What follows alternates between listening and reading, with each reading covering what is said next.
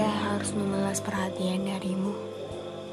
Halo teman-teman semuanya, kenali nama aku Lija. Kali ini di podcast ceritain, kita bakal cerita di seputar malam mengenai kisah kita selama satu harian. Apa aja sih cerita kamu? Boleh kita saling share cerita dan semoga bisa menginspirasi.